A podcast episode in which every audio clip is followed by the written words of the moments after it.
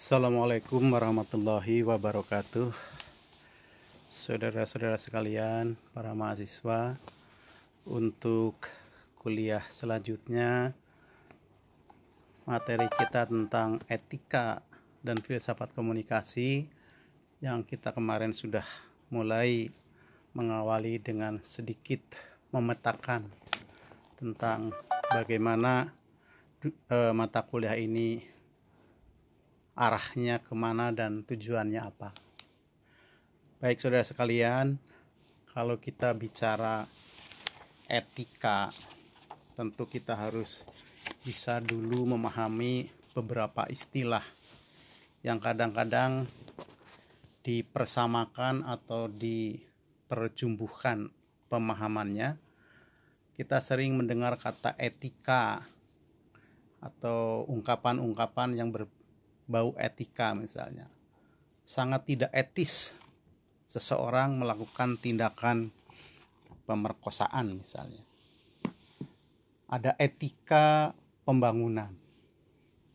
Ada juga istilah moralitas. Kita sekarang sedang menghadapi apa yang disebut dengan dekadensi moral misalnya.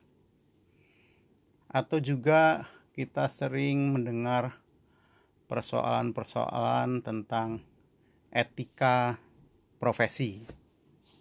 Nah, duduk persoalannya kita tidak pernah jelas karena kita sering menjumbuhkan tadi arti kata-kata ya kan ungkapan-ungkapan mana yang dimaksud dengan etika mana yang dimaksud dengan moralitas mana yang dimaksud dengan etiket misalnya.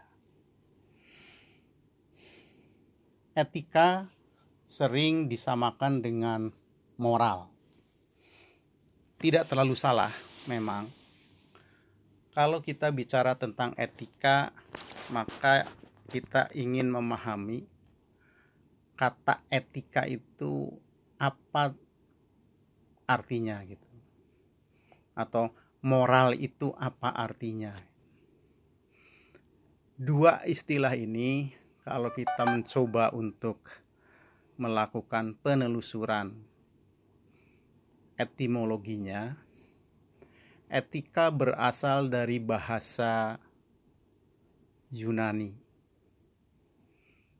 Etos, sehingga sering sering mengatakan ada etos kerja, ada etos yang harus kita pegang misalnya. Itu etos.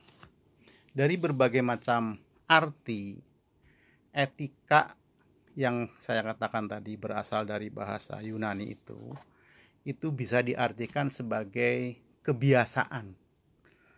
Adat istiadat. Kalau lebih dalam lagi banyak uh, rumpun kata yang masuk di dalam itu. Tetapi secara sederhana orang sering mengatakan etika adalah adat kebiasaan. Itu dalam bahasa Yunani. Sedangkan moral, moralitas itu mors berasal dari bahasa Latin. Mors juga more juga diartikan sebagai adat kebiasaan. Sehingga sering diartikan bahwa etika dan moral itu sesuatu yang e, sinonim. Namun demikian, di dalam kajian akademik tentu dua istilah ini meskipun tidak bisa dipisahkan tentu memiliki perbedaan. Lah, kita judulnya adalah mata kuliah kita adalah etika, bukan moral. Jadi kalau orang bicara etika, nantinya juga akan bersentuhan dengan apa yang dinamakan moral. Tadi moral sering diartikan sebagai perilaku tindakan manusia yang dilihat dari kacamata baik dan buruk. Jadi moral itu adalah satu tindakan atau satu penilaian norma yang menjadi pedoman dalam mengatur tingkah laku dilihat dari kacamata baik dan buruk. Itu moral. Di samping ada istilah moral, juga ada istilah amoral. Dalam kenyataan sehari-hari, kalau orang menunjuk tindakan amoral, biasanya yang dimaksud adalah tindakan atau perilaku seseorang yang tidak sesuai dengan kaidah-kaidah moral. Jadi amoral itu sering dikatakan perilaku yang tidak bermoral. Padahal arti kata amoral itu adalah satu tindakan satu perilaku yang tidak ada sangkut pautnya dengan moral. Itu amoral. Sedangkan kalau orang ingin menyebut perilaku atau tindakan yang tidak bermoral, istilahnya bukan amoral, tetapi immoral. Jadi kalau saya misalnya memakai sepatu ya kan? Memakai sepatu mendahulukan tang kaki kanan. Itu sebuah tindakan amoral. Amoral. Karena tidak bisa dikatakan bahwa tindakan saya memakai sepatu kaki kanan dulu itu lebih baik dibanding dengan memakai eh, kak sepatu dengan kaki kiri dulu kecuali kalau kita lihat dari aspek religius, agama gitu kan, akhlak itu lain. Tetapi dalam kedunia sosial ketika orang memakai sepatu kanan dulu kiri dulu itu itu tindakan yang dikatakan amoral. Tidak bisa dikatakan bahwa dia tidak bermoral gitu. Jadi tidak ada sangkut pautnya dengan moralitas. Jadi boleh-boleh saja Sementara kalau tindakan orang itu bertentangan dengan moralitas, maka istilahnya adalah tindakan yang immoral. Misalnya orang melakukan penipuan. Dia menipu seorang perempuan atas janji-janjinya untuk misalnya mengembangkan usaha. Maka tindakan yang bersangkutan itu adalah tindakan yang immoral. Jadi moral, amoral, dan immoral.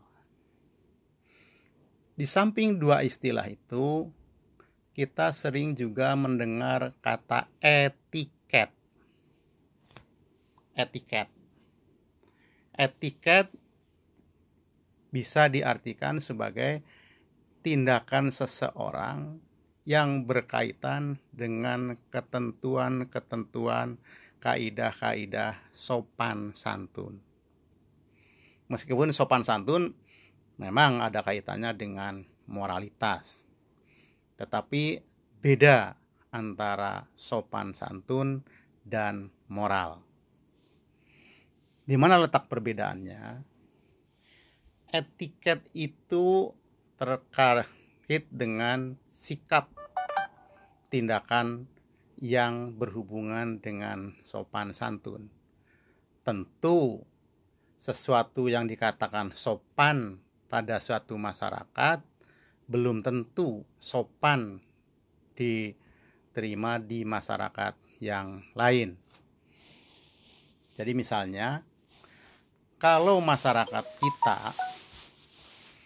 menganggap sopan ketika kita berbicara dengan orang yang lebih senior, lebih tua, itu dengan sikap menunduk. Tetapi akan sangat tidak sopan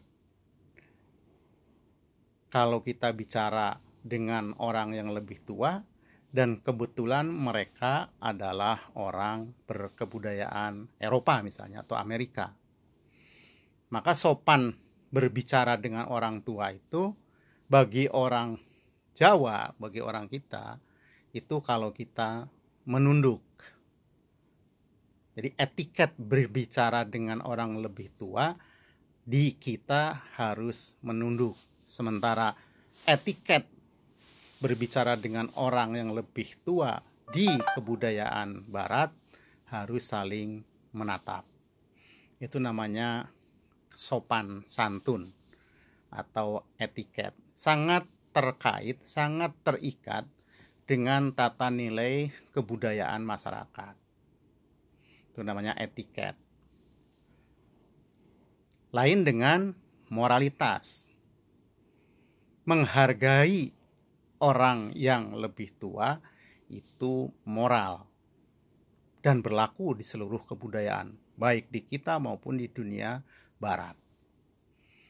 Tuh, itu namanya moralitas berlaku universal, sementara etiket sangat situasional dan terikat akan nilai-nilai budaya suatu masyarakat. Etiket lebih bersifat fisik, sedangkan moral lebih bersifat ruhani. Artinya apa? Bahwa etiket itu sesuatu yang nampak. Orang bisa saja bertindak sangat santun, sopan, budi bahasanya, tata kramanya. Tetapi belum tentu orang yang memiliki etiketnya bagus memiliki moralitas yang bagus. Sangat boleh jadi misalnya orang dengan lemah lembut menyapa padahal dia di hatinya itu sangat benci, dendam dengan orang yang dihadapinya tadi. Etiketnya bagus, moralitasnya tidak terpuji. Itu harus dibedakan. Jadi etiket sopan santun sangat lahiriah sementara sikap batiniah itu moralitas. Dan moralitas itu menjadi ukuran bagi kehidupan manusia. Karena manusia adalah makhluk yang memiliki Eh, kelebihan dibanding dengan makhluk-makhluk lain yaitu bahwa kita memiliki kesadaran moral. Kesadaran yang tertanam dalam diri kita untuk melakukan sesuatu atau tidak melakukan sesuatu meskipun kita dapat melakukan sesuatu.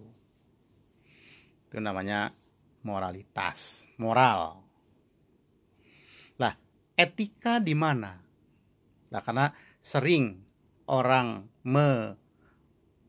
menjumbuhkan pengertian etika dan moral, sesungguhnya ada perbedaan yang sangat mendasar. Jadi kalau moralitas itu tentang perilaku baik buruk yang dilakukan seseorang atau dalam suatu masyarakat. Jadi ada kaidah-kaidah yang dipegang di dalam bertindak kaidah tentang baik buruk yang dilakukan masyarakat dalam tindakannya atau seseorang dalam tindakannya itu bersifat moral tetapi etika adalah satu bagian dari kajian terhadap moralitas. Jadi semulanya orang sering mengatakan etika adalah filsafat moral. Kalau filsafat berarti sebuah refleksi, sebuah permenungan terhadap hal-hal yang bersifat moral. Artinya apa? Filsafat mempertanyakan hal-hal yang dianggap baik, yang tidak baik secara moral. Apa dasarnya? Kalau tindakan itu dikatakan bermoral. Taruhlah misalnya apakah jujur itu sebagai sebuah tindakan bermoral? Nah, kalau dikaji secara filosofis, kita akan dihadapkan pada pendalaman, pemahaman yang tidak sederhana. Mungkin saja sehari-hari kita sering mengatakan apa pun kita harus jujur. Kejujuran adalah segala-galanya Oke, moralitas kejujuran seperti itu. Tetapi etika bisa mempertanyakan apa dasarnya bahwa kejujuran itu memiliki satu predikat moral yang terpuji misalnya. Apakah kejujuran itu sesuatu yang eh, absolut? Apakah kejujuran itu sesuatu yang relatif misalnya? Itu filsafat moral, mempertanyakan eh, anggapan-anggapan moral, prinsip-prinsip moral tuh secara lebih mendalam. Jadi mempelajari, mendalami, merefleksi, mempertanyakan hal-hal yang berkaitan dengan moralitas. Itu etika. Sehingga karena pandangannya terhadap perilaku baik buruk hanya etika itu merefleksi sehingga orang sering mengatakan atau menjumbuhkan antara tindakan-tindakan bermoral dengan etika. Jadi kita harus paham sesungguhnya etika lebih dari sekedar moral. Jadi etika mempertanyakan, mem, mendiskusikan, mendalami prinsip-prinsip moral atau filsafat moral. Sementara moral tadi sering dikatakan sebagai satu eh, pedoman dalam menentukan tingkah laku seseorang atau masyarakat dilihat dari kacamata baik dan buruk. Selanjutnya, kita ingin mempertanyakan kenapa. Misalnya, komunikasi kok harus mempelajari etika misalnya Jawabannya sederhana. Karena kita hidup berinteraksi, kita hidup berhubungan, tentu agar tercapai satu kehidupan yang istilahnya harmonis, satu kehidupan yang semua orang merasa nyaman di dalamnya, perlu kita mendalami, memahami apa yang dikatakan baik dan apa yang dikatakan tidak baik dalam berperilaku komunikasi. Kalau kita mengacu pada kenapa ada etika, kenapa muncul kajian terhadap baik dan buruk perilaku. Untuk menjawab itu, ada dua hal yang ingin disampaikan yang pertama, kenapa etika itu diperlukan? Yang pertama, kita dapat menyaksikan bahwa dalam kehidupan sehari-hari sangat banyak terdapat apa yang sering kita sebut dengan situasi dilematis ada ada ada ada situasi yang sering dikatakan dilema moral.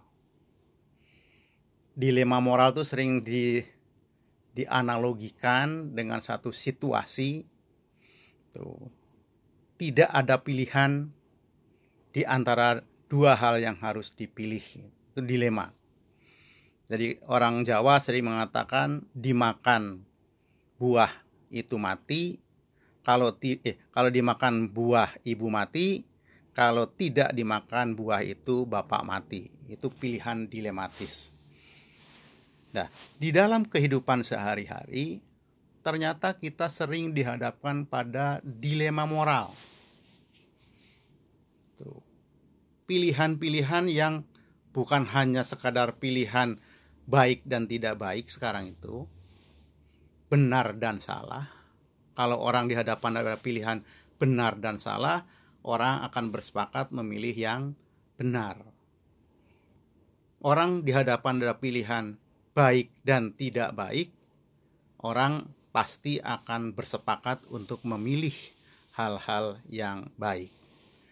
Tetapi dilema moral itu adalah suatu situasi ketika kita dihadapkan pada keadaan pilihan antara baik dan baik, antara baik dan benar. Jadi pilihannya adalah di antara pilihan baik dan baik. Itu namanya dilema.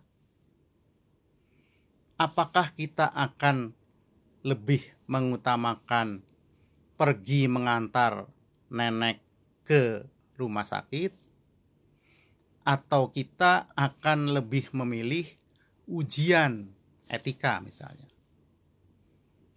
Jadi dua perbuatan itu baik semua.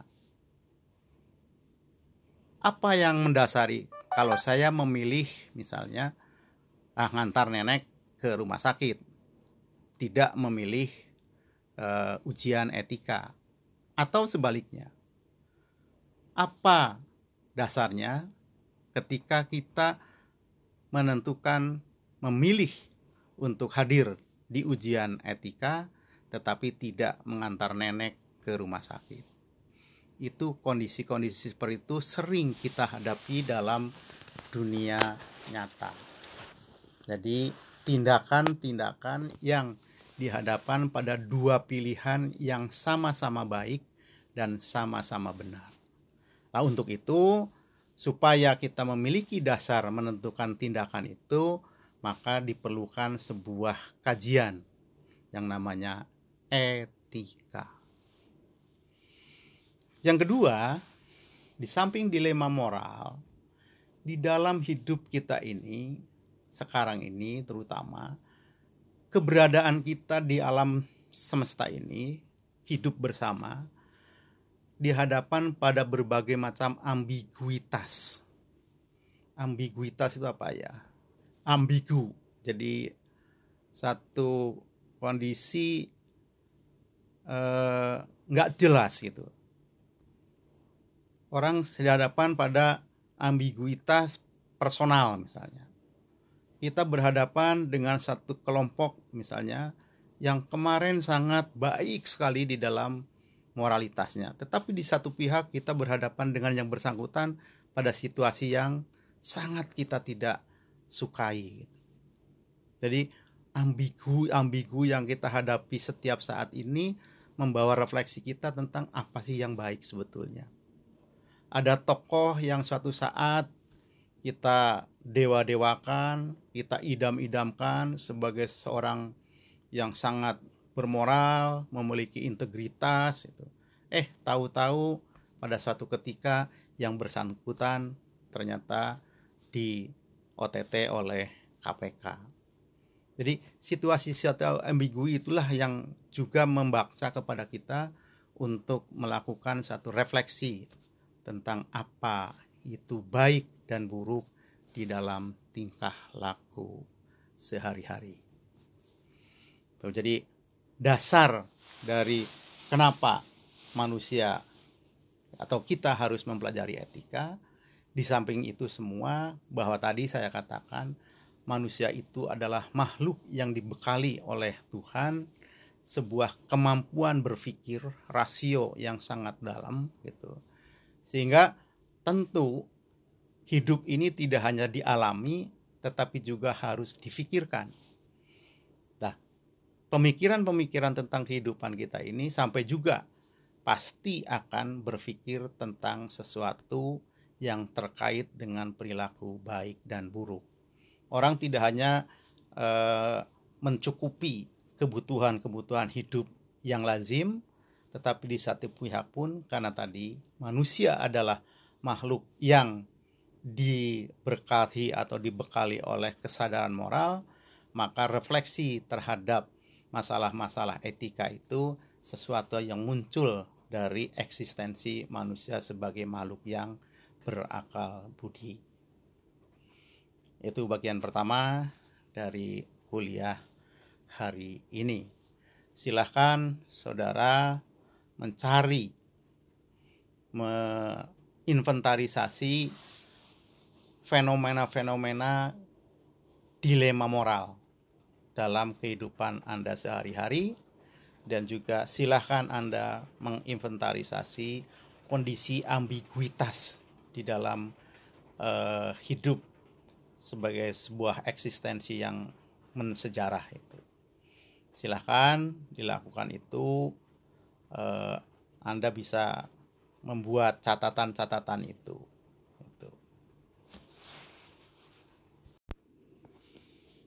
Baik, kita lanjutkan kuliah kita hari ini. Kalau kita bicara tentang etika yang tugas pokoknya mempelajari perilaku moral,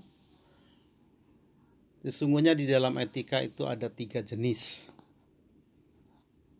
Yang pertama etika deskriptif. Yang kedua, etika normatif. Dan yang ketiga, et, metaetika. Jadi tiga jenis etika yang mempelajari perilaku moral.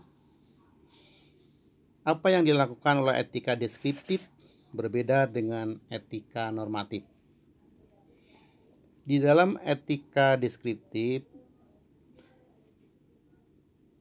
orang hanya menjelaskan tingkah laku moral baik pada perilaku perseorangan ataupun perilaku masyarakat.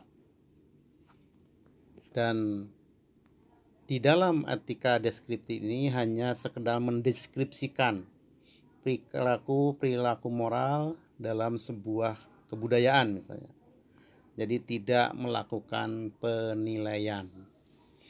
Kalau orang melakukan kajian terhadap etika, misalnya, orang akan melihat etika masyarakat A, etika masyarakat B, etika masyarakat C. Itu lazimnya adalah mendeskripsikan perilaku-perilaku moral pada suatu masyarakat.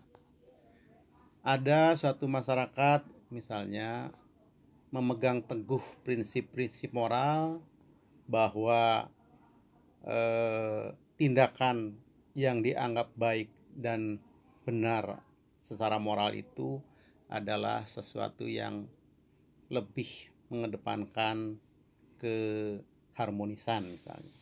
Contoh di masyarakat Jawa, etika harmonis gitu misalnya kalau mendeskripsikan masyarakat Jawa etika keharmonisan tadi tentu akan berbeda dengan etika pada masyarakat Eropa misalnya. Jadi kalau masyarakat Eropa lebih misalnya ke arah kebebasan sementara masyarakat Jawa Indonesia misalnya lebih ke arah harmonis sehingga nilai-nilai kebebasan barangkali tidak selalu ditonjolkan. Itu mendeskripsikan. Atau saudara bisa menjelaskan etika yang berada pada satu suku tertentu. Sering juga muncul istilah kearifan-kearifan lokal misalnya.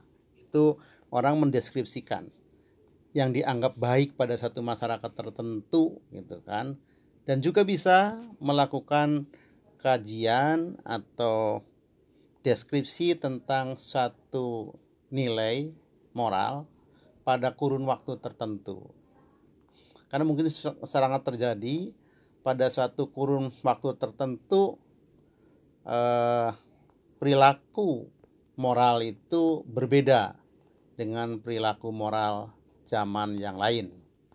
Misalnya kita bisa mendeskripsikan bagaimana perjodohan pada satu masyarakat zaman dulu misalnya.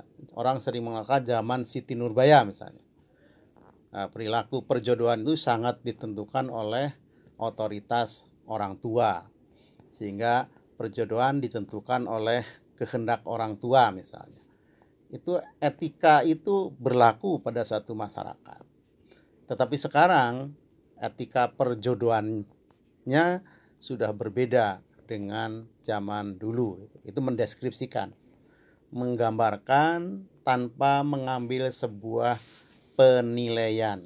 Anda mendeskripsikan, menjelaskan moralitas atau perilaku moral yang berlaku pada satu masyarakat atau yang berlaku pada satu waktu tertentu.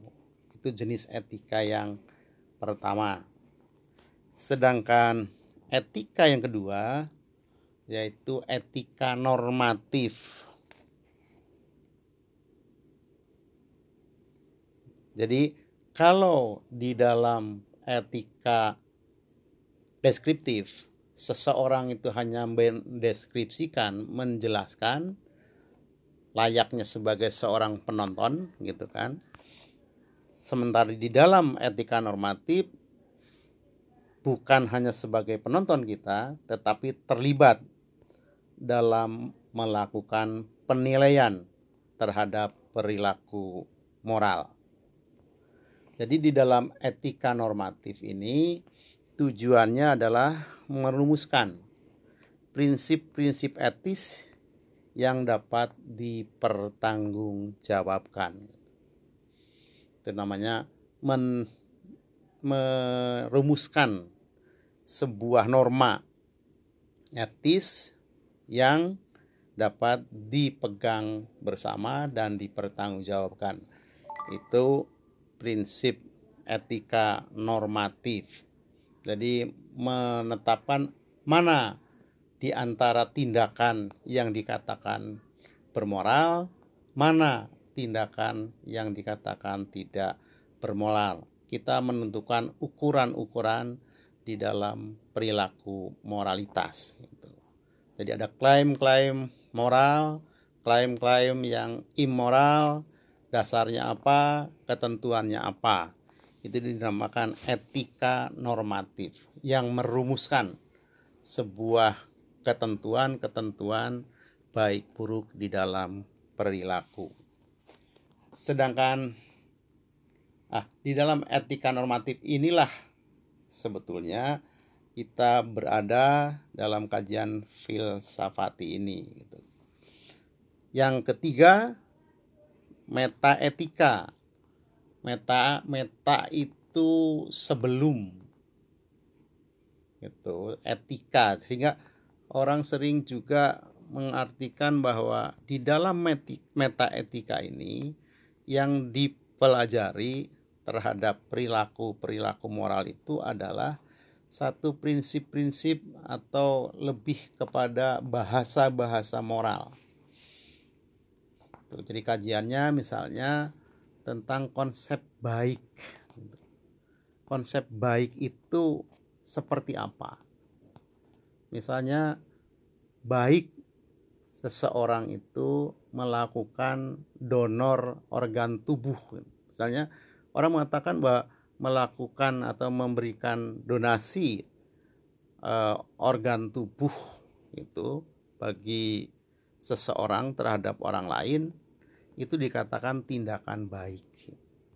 Apakah baik itu berlaku juga ketika seseorang itu melakukan eh, pemberian organ tubuh kepada orang lain dengan cara menjual? Apakah seperti itu juga dalam kategori baik misalnya? Itu persoalan-persoalan meta etika jadi mempertanyakan prinsip-prinsip di dalam hal-hal yang mendasar gitu, meta etika. Jadi lebih filosofis lagi gitu. Itu etika yang ketiga. Nah, berikutnya adalah bagaimanakah etika itu mungkin? Jadi bagaimanakah orang bisa menetapkan bahwa tindakan seseorang itu bisa dikategorikan sebagai tindakan yang etis. Jadi kalau etika itu mungkin Immanuel Kant mensyaratkan ada tiga hal.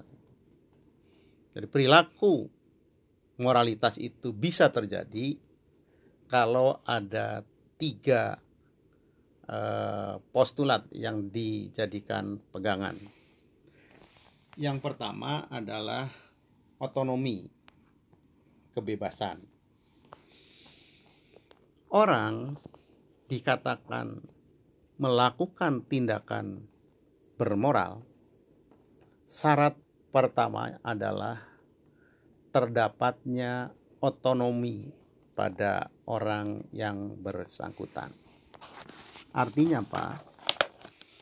Tindakan seseorang bisa dinilai dari kacamata moralitas kalau tindakan itu didasari oleh otonomi seseorang. Jadi dia memiliki kebebasan. Ketika seseorang dalam otonominya melakukan sebuah tindakan, maka tindakan yang dilakukan itu bisa dinilai secara moral.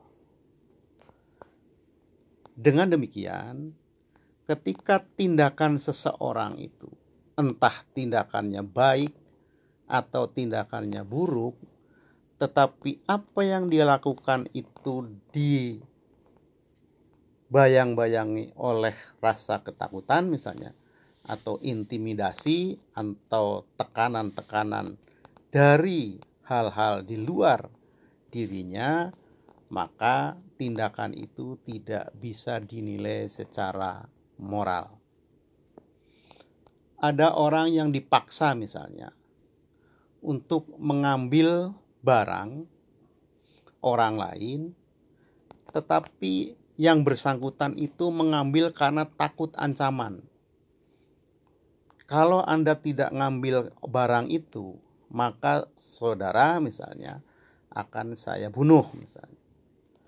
Sehingga ketika yang bersangkutan mengambil barang atas perintah ancaman tadi, maka tindakan orang yang melakukan katakanlah pencurian itu tidak dikatakan dia tidak bermoral. Jadi tindakan tersebut adalah tindakan yang tidak bisa dinilai secara moral karena dia melakukan atas ancamannya, ancaman dari orang lain. Itu, itu otonomi. Karena banyak juga tindakan-tindakan orang itu yang tidak didasarkan atas otonomi kebebasan. Orang bisa saja melakukan tindakan karena dia masih anomi. Kalau anomi itu level kekanak-kanakan yang tidak punya nomos. Jadi situasi ketika dia masih uh, tidak jelas gitu kan, tidak punya pemahaman yang seperti anak-anak gitu. Jadi tanpa pengetahuan tentang aturan-aturan sehingga dia melakukan itu tahu dasarnya atau tidak tahu dasarnya, anak itu sering dikatakan tindakannya tidak bisa diukur secara moral. Misalnya anak-anak masih dalam agama sering dikatakan anak yang belum akil balik gitu. Atau misalnya balita.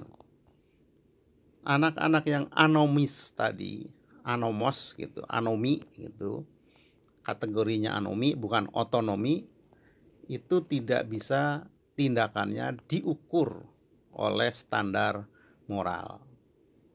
Jadi kalau ada anak kecil, anak yang e, bertindak misalnya tidak tepat, tidak sopan, dia bertindak tidak jujur gitu. Itu bukan sesuatu yang bisa dinilai secara moral. Yang kedua, di samping anomi, itu juga ada yang heteronom. Yang masih heteronom. Heteronom itu tindakan dia selalu terikat oleh idola misalnya, tokoh panutan. Jadi dia berperilaku itu merefleksikan, me, meng, mengikuti apa-apa yang dilakukan oleh tokoh idolanya. Jadi tindakan dia itu meng apa ya istilahnya mengimitasi dari tindakan-tindakan tokoh pujaannya. Jadi bukan atas tindakan dirinya. Banyak orang yang melakukan perilaku-perilaku atas dasar keterikatan, ketergantungan kepada tokoh idola. Sehingga bahasanya selalu bahasa yang diidolakan. Sikapnya sikap seperti yang diidolakan. Yang demikian juga termasuk kategori orang yang tidak bisa dinilai secara moral. Yang berikut sosionom, kelompok gitu. Jadi perilaku orang yang diadaptasi terhadap kesatuan kelompoknya, grupnya, golongannya. Gitu. Jadi dia bertindak sesuai dengan kaidah atau tata nilai yang berada di dalam golongannya, dalam uh, kelompoknya. Tuh. Sehingga kita bisa melihat, oh, pantas dia bicara seperti itu misalnya. Karena dia adalah orang dari kelompok X kalau dari kelompok X, dia akan selalu mengatakan itu. Maka pernyataan-pernyataan yang didasarkan atas nilai-nilai sosionom tadi itu tidak bisa dikategorikan orang yang bisa dinilai secara moral. Jadi banyak tokoh, banyak orang yang selalu membawa misi kelompoknya, membawa nilai-nilai kebersamaan kelompoknya, Nah, tindakan-tindakan seperti itu juga tidak bisa dikatakan bermoral karena yang bersangkutan tidak didasarkan pada otonomi kebebasan pribadinya. Tuh, jadi seseorang yang bisa dikatakan dinilai secara moral kalau dia bertindak secara otonom. Jadi otonomi kebebasan itu menjadi syarat adanya perilaku moral. Kenapa orang harus berperilaku moral? Karena dia memiliki otonomi. Kedua, menurut Immanuel Kant, bahwa syaratnya perilaku moral itu adalah adanya immortalitas. Immortality. Immortality itu artinya apa ya? Eh, mungkin bisa diartikan keabadian. Jadi kalau tidak ada keabadian, moralitas tidak bisa tegak gitu Jadi moralitas itu tegak tadi pertama pada dunia individu yang otonom. Yang kedua, moralitas itu hanya mungkin kalau adanya kehidupan yang immortality jadi bukan hanya hidup sekarang misalnya, hidup di dunia ini gitu. Jadi kalau hidup hanya terjadi sekarang ini, tidak ada kesinambungannya, ketidak immortality tadi, maka kalau kita bicara moral nonsense gitu Karena apa? Banyak gitu kan misalnya orang-orang yang bertindak jahat itu kalau tindakannya dia tidak bermoral, tetapi hidupnya misalnya senang-senang saja. Dia justru malah kadang-kadang dipuja-puja orang, dia dikatakan dermawan, dia dikatakan orang hebat misalnya. Padahal tindakan-tindakan dia itu sesungguhnya sangat bertentangan dengan moralitas. Nah, sehingga kalau tidak ada immortality, orang akan percuma kita berbuat kebaikan itu ternyata toh kita hidup mengalami kesulitan. Banyak orang-orang yang jujur misalnya, banyak orang yang memiliki integritas moral yang sangat bagus, tetapi hidupnya sengsara. Sehingga kalau tidak ada immortality, katakanlah dunia setelah ini itu, maka kita akan sia-sia berbicara tentang moralitas. Justru karena kita percaya adanya dunia keabadian, kalau dalam agama itu dunia setelah kita uh, meninggal, maka perilaku kebaikan ini akan kita sampai atau kita akan ketemu lagi kelak di dalam kehidupan yang akan datang. Tanpa itu, moralitas tidak memiliki arti. Dan yang terakhir, menurut Immanuel Kant itu, bahwa moralitas atau perilaku moral mungkin itu kalau adanya Tuhan ada. Syaratnya yang ketiga adalah adanya Tuhan God. Jadi tadi istilahnya satu otonomi, kebebasan, yang kedua adalah immortality, dan yang ketiga adanya Tuhan God. Gitu. Kenapa demikian? Tuhan sebagai satu prasyarat moral. Kalau tidak ada Tuhan, maka tidak ada yang menetapkan atau yang menilai akhir bahwa tindakan-tindakan kita ini e, memiliki moralitas atau tidak ada moralitas sehingga Tuhanlah yang akan memberikan e, penilaian sehingga di situ ada punishment dan reward sehingga memang Immanuel Kant terkenal sebagai satu filsuf yang sangat religius tetapi di balik itu semua justru kita akan lebih percaya bahwa ketidakadilan kita di dunia ini tentu mensyaratkan adanya keadilan yang sesungguhnya kelak. Kalau hidup sekarang di dunia ini tidak ada keadilan, maka kita akan memperoleh sebuah keadilan pada dunia lain, dunia immortality dan yang menetapkan itu adanya Tuhan.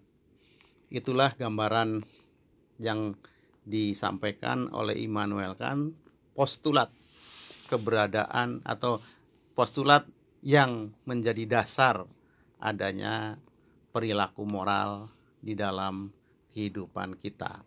Jadi tanpa adanya otonomi, tanpa adanya immortality dan tanpa adanya Tuhan, perilaku moral tidak memiliki makna. Itu sebagai gambaran. Jadi kita sudah menjelaskan prinsip-prinsip di dalam uh, etika moral tadi, etiket. Kita sudah mendeskripsikan tentang jenis-jenis etika dan juga kita sudah menjelaskan tentang uh, postulat dasar dari keberadaan perilaku moral. Demikian kuliah kita hari ini dan saya akhiri wassalamualaikum warahmatullahi wabarakatuh.